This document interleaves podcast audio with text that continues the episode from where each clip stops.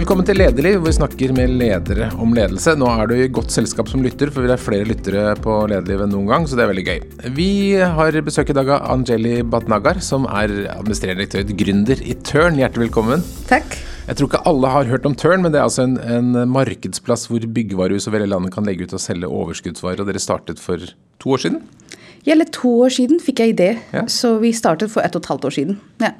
Det er veldig gøy. Vi skal snakke masse om Tørn, men jeg har lyst til å høre først eh, altså Du eh, kom til Norge for 30 år siden fra India. Så har du bachelor i fysikk fra India og doktorgrad i fysikk i eh, Norge. Og så har du jobbet i store selskaper som Telenor og Creuna, Halogen, og så Design uten grenser, og så gründer. Det virker som du startet du startet stort, og så har det blitt mindre og mindre og mindre virksomheter. ja, det er ikke sant, Noen ganger når man er ung og skal begynne i første jobb, så det er jo litt tilfeldigheter. ikke sant? Det er, så det er også morsomt å se hvordan ting kunne sett ut. fordi etter at jeg var ferdig med doktorgrad, så søkte jeg på to jobber eh, og fikk tilbud for begge. Én var i Sintef, og én var i Telenor. Og Sintef, jeg tenker på at Hvis jeg hadde valgt den da, så hadde jeg kanskje vært forsker fortsatt. da, Hvem vet. Så, nei, så det var, Telenor var jo min første arbeidsplass, og der ble jeg jo ti år. Og det var jeg syns det var veldig fint å ha Telenor som førstejobb. Og det er rett og slett ikke sant, fordi det er så store systemer. Man får prøvd seg på så mye forskjellige ting. Og ikke minst, det var jo veldig stor satsing på Så når jeg først fikk tilbud om å være leder, så kunne jeg utvikle meg som leder og kunne gå på de beste programmene innenfor Telenor-systemet. Så, så det var fint, men det er jo den bakdelen med å jobbe i store selskapene også. At eh, det er mye politikk, og det er veldig mye siloer. Og at man kan bli fort frustrert. Og det var det som skjedde. Så gikk jeg til et mindre selskap, og så enda mindre selskap. Og nå tror jeg, litt senere i karrieren, har jeg oppdaget at jeg er egentlig gründer. Jeg elsker å skape ting fra bunnen av. og så er det riktig sted. Kom litt sent, men eh, kom til slutt. Men hva var det som eh, hva, hva likte du med å få lederansvar da du var i Telenor? Det var rett og slett eh, Jeg liksom sånn Med å være leder, det går jo veldig på at man oppdager nye sider ved seg selv. Um, og det gjør at helt tilfeldigvis noen så noe i deg, og så fikk du muligheten. Og så kjente jeg liksom også på at ok, oi, det har jeg ikke prøvd før, men det fikk jeg det til. liksom. Og den følelsen, med mestringsfølelsen, um, at jeg kunne snakke med Jeg er jo veldig sånn people-oriented person, og det første prosjektet jeg fikk ansvar for, det var jo et veldig stort prosjekt med åtte europeiske telekomoperatørene som var deltakere i prosjektet, med 40 stykker til sammen. Så det var en veldig stor oppgave, men liksom jeg begynte jo å få at eh, ja, at jeg fikk en veldig sånn fin mestringsfølelse. Ok, dette fikser jeg, dette klarer jeg. Selv om jeg var ekstremt usikker i starten. og jeg liksom gå fra å være forsker til å være prosjektleder for et stort prosjekt. Så, så den ga bare mer smak. At det er det, er det jeg har lyst til. Um, jobbe litt faglig. Ikke, ikke bare som administrativ leder, men jobbe faglig, men få ting til å skje. Skape resultater. Men er det noen av de jobbene dine som har hatt noe direkte tilknytning til doktorgraden i fysikk? Eh, egentlig ikke. Men jeg tenker også, ikke i forhold til den fagområdet som jeg tok doktorgrad i, eller hovedfag også, det er fortsatt jo samme. Eh, Men jeg tenker liksom at studere fysikk og doktorgrad, det er jo veldig mye på problemløsning, da. Å være analytisk og se at, sant, hvordan du skal bryte ned et problem i komponentene, og så skal du se ok, hva kan jeg begynne med? Hva, hele tiden modellere ting. Liksom. Så det er en tankegang som er veldig kommer fra å ha studert eh, realfag da, eller fysikk. Og det føler jeg at det bruker jeg hele tiden. Selv i faktisk når jeg jobber med mennesker også. så, så har jeg liksom, liksom hele tiden den analytiske bit av meg som tenker hele tiden på at ja, ok, hvorfor er det slik, liksom? Hva er de komponentene? Mennesker, kommunikasjon, ja, teknologi. liksom. Så, og det føler jeg at jeg kommer veldig godt med. Så er jeg jo fortsatt veldig interessert i teknologi og følger med og ja, leser blader. og så jeg syns jo det var fantastisk liksom, å ha studert det. så ja, og hatt den bakgrunnen. Men i, i 2016 så begynte du som gründer skulle starte et selskap. Hva var det som fikk deg til å liksom hoppe av ansettelsesrollen og begynne å starte opp noe selv? Det er liksom en greie som hadde bygd opp over mange år. Da. At jeg, jeg gikk jo til mindre og mindre selskapene fordi jeg er utålmodig, og jeg vil at når man først har noe, en vei foran deg, så du må gå den fort og bare ta posisjon. Og, og det følte jeg liksom at selv at den egentlig det får man ikke til hvis man ikke bare gjør noe selv. Så det hadde jeg jo bare sittet og tenkt på lenge. At egentlig, det jeg har ikke gjort ennå, det er å gjøre noe eget. Utvikle min egen idé. Men jeg manglet idé. og da startet du med salg av klær? Ja. Så, fortell, fortell, om det. Hva var ideen? og det var rett og slett liksom at eh, Da gikk jeg ut av jobb og tok en liten pause. Jeg hadde liksom pause på tre måneder fordi jeg tenkte på ok, nå skal jeg virkelig tenke istedenfor å bare hoppe over på en ny jobb. at og der var jo liksom, Jeg har snakket med noen nære venner lenge at ja, det hadde vært morsomt å bare bli gründer og prøve noe nytt. Men jeg har mangler idé. Jeg vet ikke. Og så kom det liksom når jeg gikk i litt eh, Ja, det med klær. Da, fordi jeg observerte jo veldig mye hva som skjedde ute. At det var Delingsøkonomi var jo på virkelig fremmarsj. Um, nabobil, Airbnb. Og så tenkte jeg ok, ja, det er folk begynner å bli litt mer åpen for å dele ting. Men klær er jo en skikkelig utnyttet ressurs. Liksom, hvor mye klær har jeg også, selv om jeg er ekstremt liksom, nøktern og ikke har dyre ting som jeg ikke bruker lenger. Så kanskje det kan være idé å dele klær mer. da. Eh, litt kvalitetsklær, ikke liksom alt mulig. Fordi jeg også så hele business-aspektene med at hvis det skal være en tjeneste, hva er det som må på plass. Så, så, det var rett og slett liksom at Og det de siste årene også har jeg følt veldig at ok, nå har jeg så lang jeg har jo en ganske sterk akademisk bakgrunn, jeg har lang arbeidserfaring. Og så tenkte jeg ok, hva bruker jeg det til, egentlig? Bare liksom, Nå er jeg ferdig, liksom. Jeg har fått hatt lønn lenge, og jeg er jo ferdig med småbarnsliv. og Så hva skal jeg bruke min bakgrunn til? Ikke sant? Så det har jo vært en sånn skikkelig drive. Men hvordan, gikk det, hvordan gikk det, da? Fortell hvordan det gikk med, med klærne. Det var, ikke sant, Jeg prøvde jo tre forskjellige konsepter innenfor samme selskap. Og det er rett og slett liksom at hele greia med å utvikle nye ting er jo at man må idé er verdt ingenting. Det er execution, ikke sant. Er alt. Og det var at når jeg så at ok, den ideen fungerer, ok, jobbe, jobbe, jobbe, ok, den funker ikke. Hva kan jeg gjøre nå? Ikke sant? Og da endret jeg den ideen. Helt i starten var jo at det skulle være en tjeneste, digital tjeneste, hvor jeg kunne legge ut mine klær som jeg ikke bruker lenger, dyre litt kvalitetsklær, eh, til utleie til andre kvinner. Mm. Um, og så gikk jo den Jeg fikk jo den tjenesten veldig fort eh, opp og stå. Og så, men igjen, det med market adoption. At én ting er hva folk sier, men endre vaner, det tar tid. Mm. Og som et gründerselskap, når du ikke har, du har bare dine egne sparepenger i dette her, det tar tid, og det har man ikke. ikke så du kan ikke jobbe både på supply og liksom etterspørsel og behovssiden samtidig. Så, så, da endret jeg den til at det er, ok, utleie er litt for tidlig. Um, så hvorfor ikke salg av klær. Fordi det skjer jo. At sant, folk mm. handler klær på Finn, Theis, ja. alt. Så min idé var at, eh, at, jeg hadde en markedsplass igjen hvor jeg kunne koble eh, litt kvalitets vintagebutikkene fra hele Europa på ett sted. Slik at jeg som kjøper primært brukte klær nå, eh, men litt kvalitet. At jeg kunne se ok, hva er det i den butikken i Paris, i Berlin, og at jeg kan handle og få det levert hjem. Så, så, det var ideen, og den gikk bedre.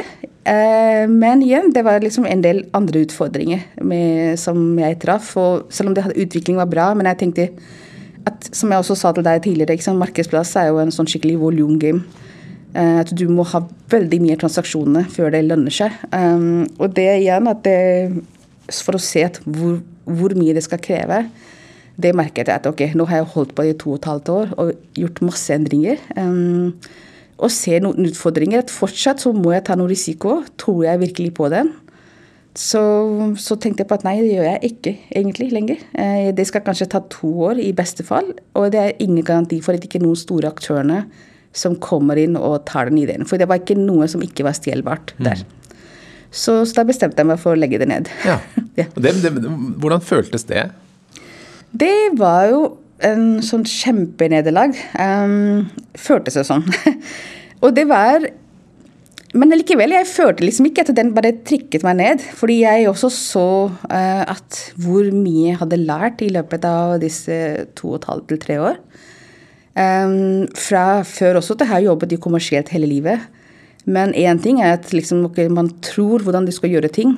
Men når du gjør ting, det er noe helt annet. Og du ser hvor mye som skal stemme. Marked, eh, kapital, ansatte, modenhet i markedet. Eh, hvordan du utvikler produktet, tester den. Så, så, så, jeg tenker også på at den erfaringen var jo utrolig bra. Men det som er rastløshet i meg, var at ok, jeg kan jo ikke bare gå inn i ny jobb igjen og glemme dette her, jeg må skrive det ned. Så jeg skrev en del artikler bare for å oppsummere på at uh, hva var det som ikke fungerte. Rett og slett bare for at ok, jeg deler med andre som kanskje går med lignende ideer. Altså se ok, dette må du passe på. Hadde du ansatte da? Ja. Hvordan var det å si til dem at du skulle slutte med det? Jeg tror som ledere er jeg veldig transparent, uh, så de var involvert i det meste hele tiden. Så, så når jeg gjorde liksom siste utregninger, nå snakker jeg om liksom 2019, eh, etter sommeren, og jeg så ok, sånn er, ser økonomien ut, dette, så snakket jeg med de andre med en gang. Og de alle visste jo det litt, ikke sant? at det, det lå litt i kortene. Men du tapte penger der. Var det dine penger eller investorers penger? Eller? Jeg hadde investor også mm. med, um, og mine penger. Så, men penger er ikke noe Det bare ga meg erfaringer da, i retur. Um, så, så, det var um, det var greit, liksom. Og de som jeg jobbet sammen med også, det var jo ganske oppegående, flinke folk. Det var ikke noe problem at ikke de skulle få nye jobber. Mm. Så, så, ja, så vi avklarte den, og så gikk vi til hver vårest. Mm. Og så kom ideen til Tørn. Ja. og hva, hvordan skjedde det? Det var um, Det var jo allerede har startet uh, kommet i jobbprosessene. Uh, var i intervju litt hos forskjellige, og så tenkte jeg på ok, må jeg bruke god tid. da, Igjen ikke gå i noe som jeg ikke kommer til å trives i.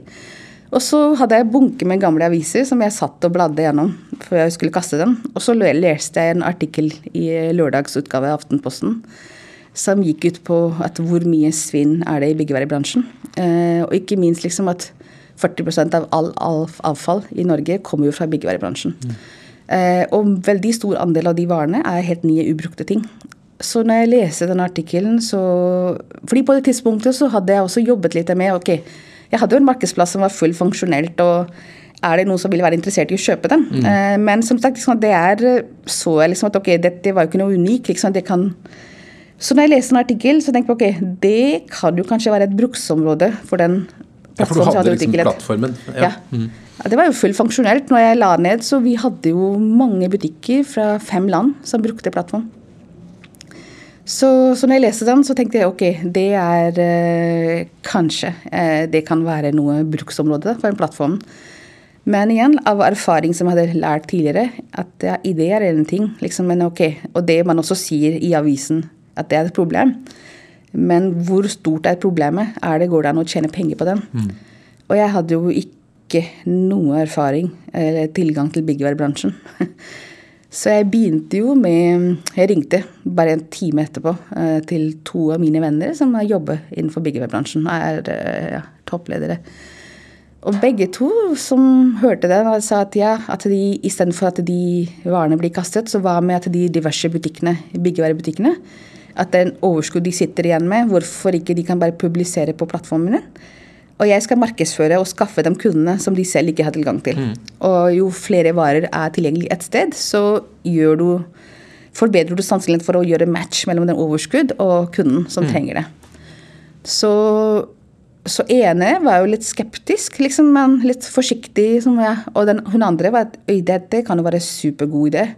Men har du noe liksom bevis? hvordan det kan... Jeg sa at ja, men jeg kan konfigurere, bruke mhm. kvelden. Så jeg lagde bare en sånn test på den plattformen som jeg hadde, hvor jeg publiserte noen eksempelvarer og hvordan det skal fungere, hele greia. Så veien var jo kort, og så tok jeg kontakt med Som en del av den artikkelen så var jeg også intervju med hun som er eh, direktør for byggevarenæringen i Virke. Så jeg sendte en e-post til henne og jeg sa at jeg leser den. Veldig bra artikkel. Jeg har kanskje en mulig løsning. Eh, vil du høre om det? Og hun var jo så fin også. Kjente jo første gang, liksom. Så hun sa at ja, jeg har tid om tre dager. Eh, kom. Og jeg bor jo ikke så langt derfra, så jeg bare stilte opp der etter et intervju. Jeg var i et jobbintervju hos henne. Og det var jo derfra. Så det bare ballet på seg. Men hvorfor eh, er denne plattformen bra for, for disse byggeårene? Altså, hvorfor bruker du ikke Finn, f.eks.? For eh, fordi liksom det, jeg tenkte også på at ja, de alle byggevarehusene har konto på Finn i dag. Mm. Eh, men Finn er jo ikke tilrettelagt for akkurat det behovet. fordi da må de taste inn alt informasjon om produktene, de må legge ut bildene. Det er altfor mye arbeid for å selge noe som de egentlig vil bare bli kvitt. Mm. Eh, ikke minst kundene kan jo ikke handle heller på Finn. Så, så, det de blir sittende igjen med, at de publiserer en parti med et eller annet sånn granpanel. Mm og så kunne sende melding. Eh, de har jo ikke noe apparat for at noen skal ta imot de meldingene heller. Og si at ja, 'hold det for meg, jeg kommer', og så kommer de ikke. Så det er masse friksjon i hele den greia.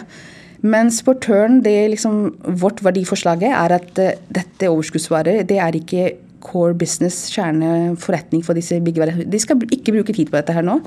Så hvordan vi har automatisert den, at de varene kommer på plattformen automatisk. De er med full teknisk dokumentasjon, bilder, produktinformasjon. Størrelse på varene også. At uten, det er bare to klikk da, for butikkene. Og det gjør også, også Samtidig så har vi jo integrert med frakt og betaling, slik at det blir veldig enkelt for kundene, de som vi markedsfører det til, når til, at de finner de varene, og så får de levert hjem. Det Sånn er det ikke de vant til fra vanlig byggevarehandel i dag. Så, og det gjør jo, ser vi liksom en hypotese med å ha alle varer tilgjengelig ett sted. Um, det gjør også sjansene for at man får de varene tilbake i bruk, istedenfor å bli kastet. Og Hva slags varer er det det er mest av på tørn? Alt mulig. Det du finner, fordi Overskudd oppstår jo alle kategoriene. ikke sant? Alt du finner på en Maxbo-butikk, det kan bli overskudd. Alt fra store ting til eh, gulv og parkett og peis til helt små ting, små beslag, skruer teip, alt.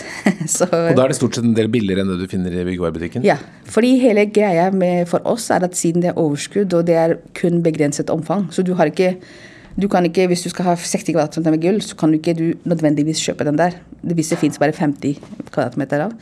Så, så vi, oppfordringen vår er at det må legges til kostpris. da, mm. Nærmere kostpris. Rett og slett bare For å bli, for dem er ikke hensikten, de som selger portøren, å gjøre profit på dette her. Det er bare å bli kvitt den uten å bruke noen ressurser på den.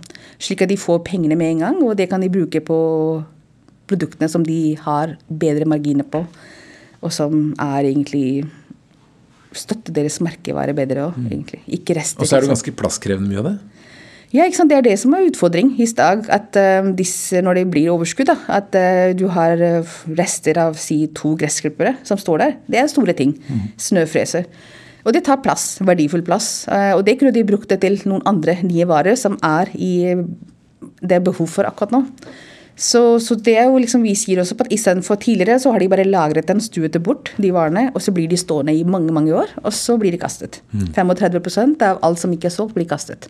Det har jo virkelig også kommet fram i de tallene i rapporten sin. Hvor mange transaksjoner hadde du i fjor? Oi, det er vanskelig. uh, Jeg tror det eh, Det var noe titalls Hvor mye omsatte du for da for å starte det? Denne? Ja, Det var liksom 22 mil, tror jeg. Det er jo ikke lukket da, nå desember ennå. Eh, ja, Ca. 22 mil. Og, og, modellen din er da at du, en, eller du får en provisjon av dette? Ja. 20 eh, tar vi. Og det er liksom, den 20% dekker jo at vi bruker veldig mye ressurser, fordi vi er jo helt nytt konsept, så vi må jo markedsføre oss over hele landet. Mm med både betalte kanaler, egne kanaler, som vi utvikler hele tiden. Eh, så det alt det 20% liksom dekker, og den markedsføring, betaling, eh, frakt eh, Det er også alt risiko på oss. Og ikke minst at vi har også Nettet for å støtte det verdiforslaget, det er veldig enkelt for disse selgerne å selge på Tørn, er at vi har også kundesupport også som en del av tjenesten. Slik at kundene tar kontakt med oss, og ikke til butikken. Så mm. vi er en slags filter mellom dem. Men du har jo da begynt å bygge opp en, en liten organisasjon der rundt dette. Hvordan har du tenkt når du har begynt å ansette folk? Det er, du, det er, noe helt annet enn en stor organisasjon. Fordi her er jo liksom den kostnad er jo en faktor du må spille på hele tiden. Um, så fra start at når vi lanserte den første versjonen av løsningen, vi var tre personer som gjorde absolutt alt. Til jeg satte jo med kundeservice og svarte til. Så det er hva som haster aller, aller mest. Da. Det er jo sånt det har vært. At mm. hva er det som eh, jeg hadde ikke, når vi startet, så hadde jeg ikke tenkt på tenkt på, okay, alt skal bare gå selvbetjent. det jeg skal, Så hadde jeg ikke tenkt på kundeservice, f.eks. Og så i oktober, når vi begynte å vokse superfint, eh, så kom jo mange henvendelser òg. Og der satt de jo nesten døgnet rundt og svarte til kundene. Så, så, det var rett og slett at det her organisasjonen har um, i starten så var det veldig behovstyrt. Og nå er vi der nå at eh, jeg tenker langsiktig, vi skal vokse, i, gå i mange land. at vi, vi skal få din nøkkelkompetanse på dette her nå. Selv om det er ikke behov for det akkurat nå. Vi starter jo i Sverige nå i februar. Så, men igjen, at det er um, hele tiden på hvordan jeg har rekruttert. Da. Det er ok, hva er behov for? Hvilken type profil? Eh, og hvilken type um, industrikjennskap. da. Fordi jeg tenker på at vi trenger jo både teknologer, vi trenger folk som er veldig gode med innhold. ikke sant? Fordi markedsføring er en veldig viktig del av Turn. Um, og vi trenger ikke minst som kan byggevarebransjen. Har domenekunnskap. Mm. Fordi det er jo det vi starter med, selv om vi skal gå mot andre industrier også etter hvert. Så, så, så det er rett og slett liksom at Men viktig har jo vært at ikke vi har ren lederprofiler. Jeg, du må være veldig hands on. Så det er ikke, fordi mange av de sentrale oppgavene det er ikke noen, man har ikke noen delegere det til. Så man må selv brette armene. Men jeg tenker på de som vi får inn i turn. Det er det som også de syns er supermorsomt, fordi de har vært ledere i mange år og har litt, blitt litt fjernet seg litt fra hvor ting, action skjer. Mm. Og det syns de er supermorsomt å være med, eh, med på å utvikle. hvor være litt hands on, hvor vi tenker en dag på veldig langsiktig strategi, og så begynner vi å jobbe med den dagen etter. Men Bortsett fra kompetansen deres, hvilke egenskaper er det du ser etter når du velger folk? Um, det er rett og slett Jeg føler jo selv at eh, jeg prøver å velge folk som er litt forskjellige fra meg. Men én ting som jeg tenker på som er veldig viktig i å jobbe i gründerselskap, det er at man må være nysgjerrig. Man må være søkende. Fordi jeg tror jo fortsatt, selv om vi har kommet i et spor hvor det ting går veldig riktig, men jeg tror jeg er helt åpen på at om to-tre år så vil vi se helt annerledes ut. Og det krever at man må være litt ha åpen, åpen sinn. Følge med på hva som skjer på de forskjellige frontene, eh, og se okay, hvordan påvirker det det vi gjør nå i dag. Så det med nysgjerrighet og åpenhet, det er uh, veldig, veldig viktig. Og så det avhenger av rollene. At det er um, At man er litt resultatdrevet. Det er også veldig, veldig viktig, fordi ja, man det med langsiktig tenkning, strategisk tenkning, det er superviktig. Det er uh, viktig, men som jeg også sa, du må være hands on. Mm. Du må kunne liksom ta tak i ting og drive den viktig. Uh, og se, og så klare å prioritere på at hva er det viktigste akkurat nå. Fordi vi må prioritere knallhardt. Det er hundre ting vi kunne gjort, men vi må hele tiden se på hva er det viktigste akkurat nå. Mm.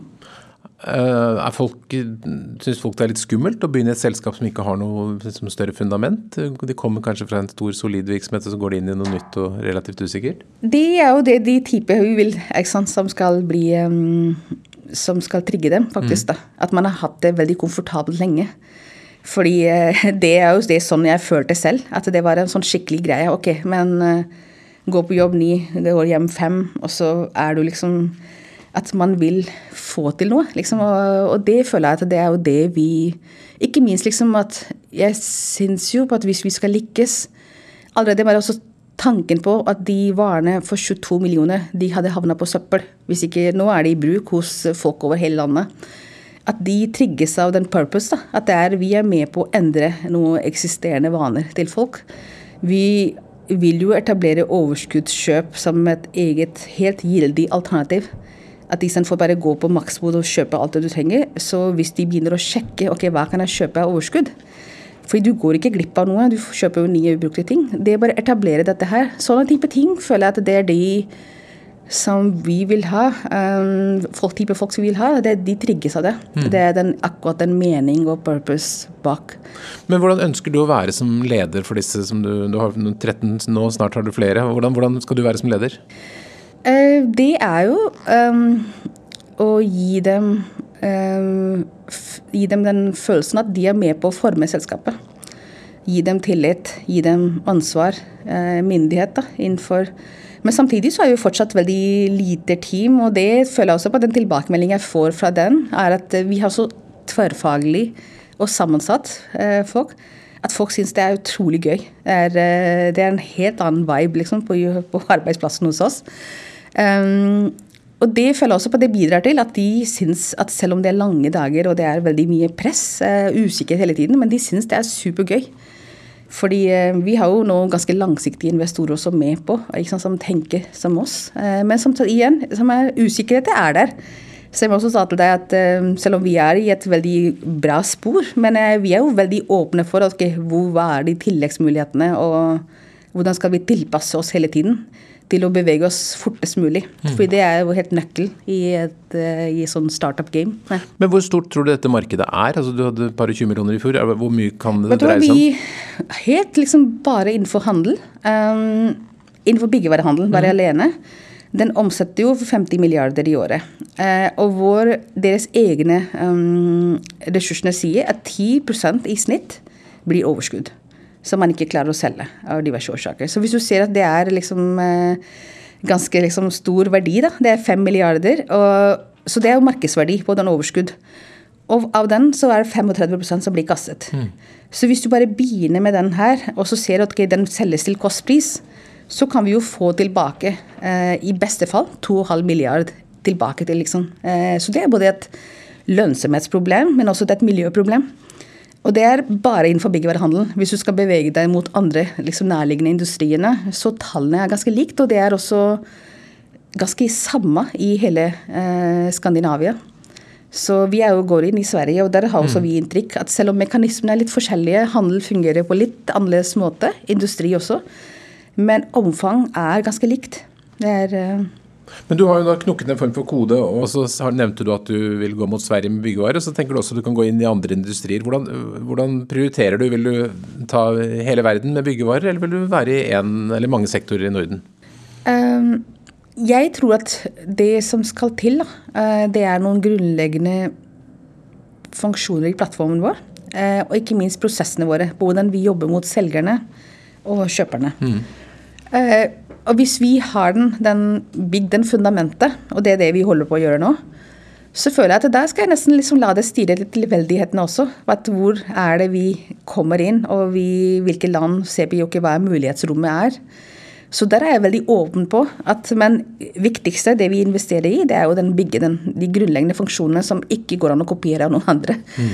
Når vi er det, så føler jeg at der blir det litt um, for eksempel, bare som et eksempel, da, altså I Norge så vår første pilotleverandør var jo Neumann Big. De eies av Star Group, som er en sånn stor europeisk aktør. Um, og Neumann eh, Group har jo tidligvis vært veldig fornøyd med oss da, i Norge. Uh, så når vi skulle gå inn i Sverige, så tenkte vi på at okay, Stark Group har eier også Beyer Big, som er uh, største i Sverige. Så hvorfor ikke kontakte dem med de eks eksempel på hva vi har fått til.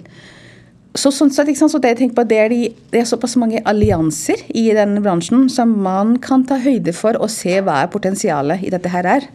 Så, så, det har jeg ikke klart svar på det du spør. Jeg tror vi vil, ta, vi vil gå der hvor mulighetene kommer lettest og fortest. da. Og hvor igjen, igjen behovet er Fordi byggevare liksom med overskudd, det vi merker i Norge, det, er at vi må tråkke, vi må sette eh, Vi må skape en slags uh, oppmerksomhet rundt overskuddshåndtering. For det er ingen som snakker om det. Eh, det har ikke vært tema. Eh, så, det der gjør, bruker vi veldig mye ressursene for å være ute i media og fortelle hvor stort omfang det er. Eh, og det føler jeg at Hvis vi hadde gjort det for hver industri, så hadde det vært veldig slitsomt som et sånt oppstartsselskap. da. Så, så, vi må bare også se på hvilke, hvilke industriene er moden for å gjøre noe med det. Så, og Da vil vi jo ha en plattform som fungerer og skal være lett å skru på. Mm.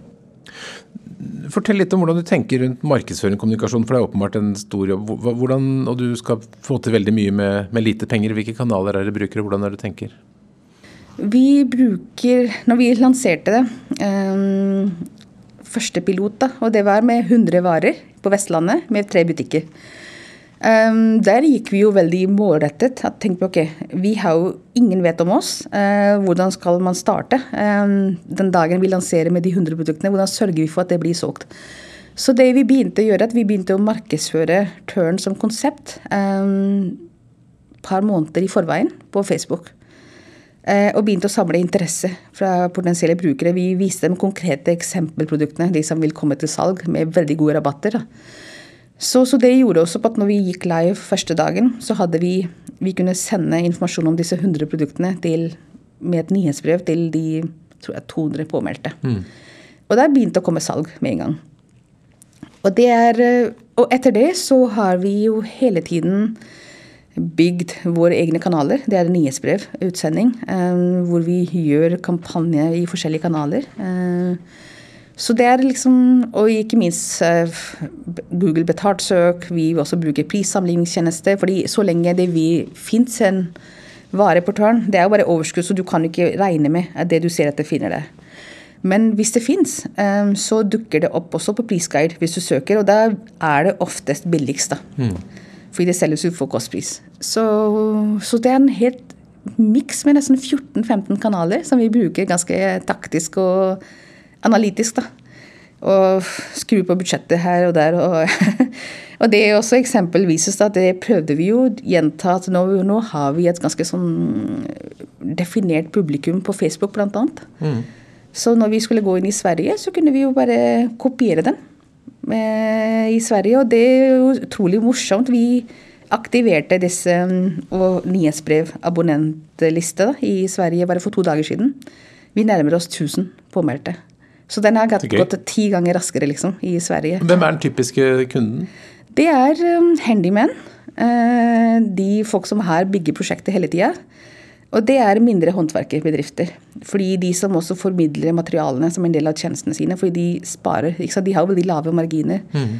Så, så, de har superstore insentiver liksom, på å handle stort. Og så vi har partisalg osv., da kjøper de De kan finne på å kjøpe ti dører og ha det på lager hos seg. Mm. Og så bruker de i prosjektene sine. Du har jo fått inn et eksternt styre, og du har fått inn eksterne eiere. Fortell litt hvordan du har tenkt på å få inn eiere og styre. Hvordan har du, hva har du sett etter da? Uh, det tror jeg vi har vært veldig heldige denne gangen. At vi fikk jo resultatene så fort. Så vi fikk jo interesse. Så jeg slapp ikke som, som forrige runde, hvor vi måtte jage etter investorene. At vi fikk jo veldig positiv interesse fra, som tok kontakt, og de vil gjerne bidra. Men vi har både med styret vårt og med aksjonærene tenkt ok, vi vil ikke bare ha kapital, vi vil også ha kompetanse. Vi vil ha folk som kan åpne dører for oss. Så folk som har erfaring med internasjonalisering. Så, og det har vært hele tiden. Liksom. Derfor Schibsted var fantastisk å få med. Mm. Fordi de er jo til stede i alle land hvor vi vil også gå inn.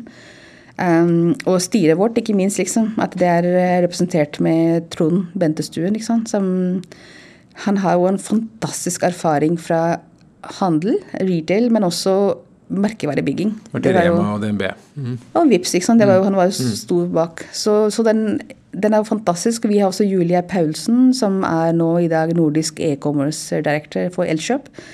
Så fordi den e-handelkompetanse også, det er jo kjempeviktig. Eh, for det er de samme mekanismene, selv om vi er markedsplass.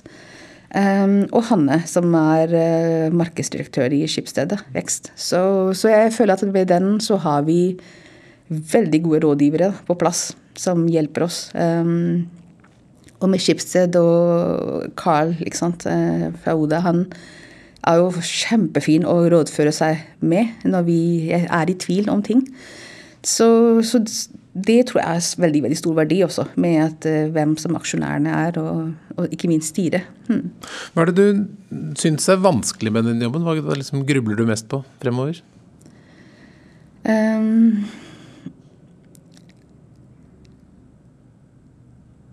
det er rett og slett Jeg ser for meg veien veldig klar fremover. Men det er bare hele tiden. at Hvordan sørger jeg for at vi gjør de tar de For jeg kan også være at jeg kan nesten overvurdere min egen kapasitet. At, og ikke minst vår organisasjon. Så. så det er rett og slett at hvordan vi sørger for at vi gjør tar de viktigste tingene først. For det vet man ikke. fordi du vet ikke liksom før du, og Det er derfor vi også bare tilpasset oss. Vi prøver å lansere ting mye tidligere i små skala og teste, enn å bare sitte og gruble over lange perioder. Mm. Men ja, nei, det, og ikke minst liksom at det med å rekruttere riktige profiler. Det snakker jo alle om, at det er, at det er en utfordring i Norge nå. Um, og ikke minst liksom for oss, vi vil jo ha erfarne mennesker som er samtidig åpne for å jobbe hands on og er villige til å ta den risikoen. Um, selv om jeg ser jo ikke det som risiko. Liksom, det er jo såpass bra etterspørsel for flinke folk at så går du tilbake til det hvis ikke de mm. Bruker du mye tid på rekruttering? Ja, eller uh, I starten ikke, men nå ja, Men vi ser at vi må bruke mye tid. Um, og Derfor også det med den kontaktnettet vårt, ikke minst i Sverige, eh, hvor vi må også etablere organisasjon. Eh, så første ressurs vi fikk på plass der, det er, hun er superbra. Så, men ja, det er riktig, for riktige folk. Det tenker jeg mye på. Um, og også bare hele tiden sørge for at vi tar tak i uh, ting som er viktigste. Men du startet opp rett før eh, koronaen kom. Hvordan har koronaen spilt inn for dere? Um, samtidig som korona. Vi har ja. bare levd i koronatid. ja. Så vi lanserte jo piloten vår, den på Vestlandet, to dager etter lockdown. Ja, ok, Så etter. Mm. Så, men den har påvirket oss. Det er veldig interessant. da. Vært, um, fordi har jo, Korona har jo påført en kjempeboom for byggevareindustrien. Men den har jo hatt en negativ påvirkning for oss. rett og slett, Fordi vi er avhengig av at butikkene skal publisere varer. Selv om det er bare to klikk, så skal de sjekke at ok, alt dette er overskudd. Jeg publiserer. Og når korona gjorde at det ble masse permitteringer og butikkene ble stengt ned, eh, så var ikke den overskudd som var fokus deres. da. Og markedsplassene er jo så følsomme på antall varer, eh, utvalg. Så med en gang, selv om vi har veldig stort liksom, etterspørsel, eh, men når du ikke hadde nok varer, så går det ned igjen. Og det merket vi jo første året. Um, og det merket vi igjen, at det er på en annen måte uh, nå, eller i fjor, sommeren også. At uh, veldig mange av varehusene var jo stengt i en måned på Østlandet og hele Sørlandet. Så den hadde en negativ påvirkning mm. for oss. Men på etterspørselssiden har det antagelig vært bra, da? Ja. Men det vi brukte, da, og igjen som gründerselskap, du kan ikke bare sitte og vente. Å, de publiserer ikke. Så da utviklet vi, brukte vi den tiden til å utvikle enda mer funksjonalitet i plattformen vår, som gjør at hvordan skal vi automatisere det ytterligere? Eh, bygge funksjonene som gjør den arbeidet enda enklere for butikkene. Mm. Så Men Kjernen hos deg er jo et IT-system, og der er det litt forskjellig. Noen uh, setter alt ut, og noen gjør alt selv. Hvor, hvor er dere? Vi er alt selv. Mm. Hvorfor Fordi det? Fordi det, I første øyekast så kan det virke som at det er standard markedsplass. Um, og det kunne man kjøpt som hyllevare for. Uh, men jeg tror at siden vi opererer i en helt annen problemstilling, industri, så den data vi samler nå uh, om overskudd, og, så jeg føler at den vil ha så stor verdi for oss i etterkant at dette må vi ha helt kontroll på selv. Og ikke minst liksom måten vi jobber på, at vi er veldig agile. Ehm, jeg har jobbet veldig mye med offshore-utvikling mange mange år tidligere. Eh, og jeg ser også på at ikke rosenrødt. Det er at du må investere veldig mye i prosessene. Eh, og hos oss så er det så kort vei fra hva vi ser av behovet ute i markedet, til at det blir spesifisert og man utvikler veldig korte, ska, korte iterasjoner. Det hadde ikke gått med så fordi vi er ganske sånn sitte sammen og jobbe tett sammen. Så, så, det har vært en bevisst valg at vi skal gjøre dette her eh, in-house selv, eh, i den grad vi kan. Um, og det kan også bare være en fin faktor å tiltrekke nye utviklere med. Mm. At, det er, eh, at du, har, du ser påvirkning på hva du utvikler med en gang ute i markedet. Men er det et råd du vil gi til andre som skal starte en eh, form for netthandel også, og programmere selv? Helt avhengig av hva det er. Eh, og vanlig nettbutikk, det gir ingen mening å gjøre det selv. Det er så mye bra hyllevarer som mm. du bare konfigurerer og gjør det selv. Så den er helt avhengig av at hvordan, hva er det du utvikler, og hvordan ser du veien videre da, i fremtid.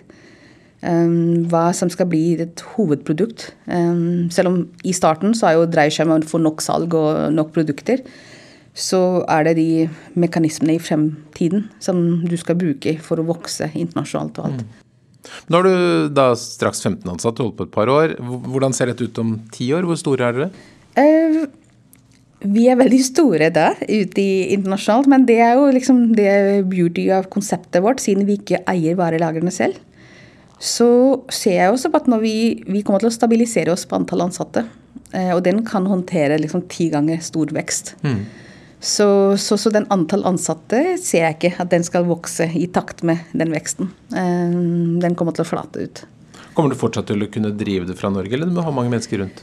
Eh, det er litt er åpen på. Eh, foreløpig så har vi valgt at når vi går i Sverige også, at vi holder alt utvikling og utvikling her i Norge. Men kunder relasjoner og funksjoner, det skal vi ha lokalt. Mm. Um, men vi må se at kanskje at vi ikke Det er ikke mulig å skalere den kapasiteten i Norge. Så det er jeg åpen på, for å se hvordan det går. Når er det du trives mest med dette? Hva er det du føler at du lykkes best med? Um, jeg tror det er mange ting. Det er rett og slett liksom at jeg aldri har hatt det så gøy på en jobb. Selv om jeg har hatt det morsomt hele veien, men det er som, som vi har nå. Og det kommer av at det er så forskjellige personligheter, forskjellige folk med forskjellig erfaring. Eh, vi har en virkelig, det alle snakker om, veldig diverse team, med en aldersspenn på 21 til 68. Eh, og det føler jeg at det er, det er så Så det er det jeg føler at jeg lykkes med. at det er og det, altså vil ikke, Jeg vil ikke ta all ære på dette her nå. Det er litt timing og det er litt flaks også. Eh, at det har et fantastisk team eh, som utgangspunkt. og Derfor det også går bra og så fort. Og den andre er jo rett og slett at det motiverer meg. at vi setter, Og det som vi får det til, med at um, vi setter en ekstremt viktig problemstilling på agenda. Og gjør noe med det. det er, uh, så det er både å snakke om et problem, men også bare ha en løsning. Det syns jeg er uh, veldig, veldig morsomt. da. Det at du hadde en ikke så vellykket satsing først. Eh, tenker du at det er en har de, er det vært Helt en fordel? avgjørende. Ja. Helt avgjørende. Det hadde ikke gått så fort uh, i det hele tatt. Uh, som jeg også sa, at, at hvordan fra idé til at vi lanserte den pilot, det tok tre måneder. Og vi begynte å få salg og sant, med, hele med markedsføring. Ikke minst hvilken markedsplass er ganske kompliserte konseptet, selv om det er veldig lett å forstå intuitivt da, på hva det dreier seg om. Koble selgerne med kjøperne. Men uh, det er jo grunn til at fleste markedsplasskonseptene blir dør i løpet av første to årene, fordi du kommer ikke til det kritiske punktet. Og det opplevde jeg jo i forrige runde, at jeg kom ikke til det kritiske punktet. Mm. Um, og hva var det som gjorde at hvilke deler av en markedsplass skal du virkelig satse på å automatisere? Uh, hvilke industriene markedsplasskonseptet passer for? All den læring det var fra den forrige konseptet. Som gjorde også på at jeg kunne si ok, byggvarebransjen, det er stor handlekurvstørrelse. Det gir mening, overskuddsvare, selv om de selges veldig billig. Men allikevel, det vil støtte for at selv om vi bare sitter med 20% så på sikt at det kan bli nok business ut av det. Så de, alle de vurderingene hadde jeg ikke Da hadde jeg vært der hvor jeg var eh, når jeg startet denne ideen. Helt sånn, ja. Og hvis du ikke hadde lest en artikkel i Aftenposten den dagen du satt og søkte jobb, så hadde du kanskje sittet i en eller annen tradisjonell stilling nå? Ja. Hadde vært leder i et eller annet sted. så det er utrolig morsomt å tenke på. Men sånn har det vært hele livet mitt. At det er så mange som litt tilfeldigheter som har hatt veldig stor betydning. Både på godt og vondt. Um, veldig morsomt. Jeg er syns det er veldig fascinerende. Så jeg er alltid veldig åpen for, uh, for hva som skjer rundt meg, og nye mulighetene. og ja. Hvis det kommer en uh, person til deg som skal starte en, uh, en netthandel eller markedsplass, eller sånt, hvilke tre lederråd vil du gi? Hvordan blir man en god leder for en sånn virksomhet? Uh, leder er én ting, men det er rent faglig, som du spurte om markedsplass. At du må gjøre den product market fit så tidlig som mulig, og så gjerne med manuelle prosesser. Du trenger ikke utvikle en IT-plattform mm. før du kartlagt hva er det Hvorfor vil selger det selge på din plattform og ikke selv? Og hvorfor vil noen kjøpe den? Mm. Um, så det er ekstremt viktig. At ikke man plutselig går i fella at man begynner å utvikle og koder osv. før man har gjort det delen. Hvis vi tar ledelsesbiten, da. Tre lederråd? Uh, tre lederråd. Um, teamet er veldig, veldig viktig. Å få de nøkkelressursene. Forstå selv hva er det du skal klare å dekke selv. Uh, være veldig ærlig på den. Men også i markedsplassene, det ligger i kortet. kortene. Altså du, utvikling. Hvis du først har fått en product market fit. Um, domenekunnskap den skal operere i. Um, og ikke minst markedsføring. Mm. Uh, det er ekstremt viktig. Så det er nummer én. Riktig folk. Nummer to? Uh, nummer to, to er um, Jeg tror det går på veldig personlige egenskaper. Enten så passer du å være leder for et gründerselskap, eller så gjør du det ikke. Uh, mm. så at hvordan man skal gi, fordi det ligger jo kortene at hvis du skal gjøre dette her nå, så må du være veldig lite team som prøver, klarer å levere på mange områdene. Og da må man gi, slippe litt kontroll og gi eh, tillit og ansvar til de, og la de også bidra til utvikling av konseptet videre. Da. At de føler eierskap til det. Finne det riktige, slippe kontrollen. Og en ting til.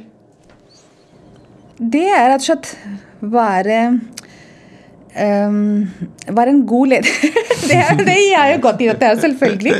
Men jeg føler også på at det med Jeg har jo vært leder i storeselskapene, og i dette her, jeg føler at dette her er en helt annen. uh, hvor jeg må bringe inn helt andre egenskaper ved meg selv. Uh, og det er også, som jeg sa tidligere, være åpen for mulighetene. Det må man også bare faktisk oppmuntre hos de uh, som du skal være leder for. Ehm, den, gi dem fleksibiliteten, men også bare gi dem selv at ok, du skal ikke bare Jeg tror det passer ikke å ha folk som vil jobbe etter en instruks. Det med mm, Og det krever en annen type ledelse, rett og slett. Eh, de har jo sagt det, det med å slippe kontroll, men det er eh, de selvstendige mennesker, at hvordan man skal eh, gi dem forstå, se dem og gi dem motivasjon på riktig nivå. For folk er veldig forskjellige. Eh, Angeli Bandaga, tusen takk for at du kom til Lederliv, og lykke til videre med Tørn. Takk skal du ha. Veldig hyggelig å være her. Lederliv er en podkast fra kommunikasjonsbyrået Apeland. Vi legger ut nye episoder hver fredag. Redaksjonen består av Ellen Paulsen, Lars Jarle Melum, Lars Volden og meg, som heter Ole Kristian Apeland. Vi er glad for alle mulige former for ros og ris og stjerner og likes og hva det måtte være for noe. Eh, Man kan f.eks. sende det på e-post til meg på ole.apeland.no. Takk for at du lytter.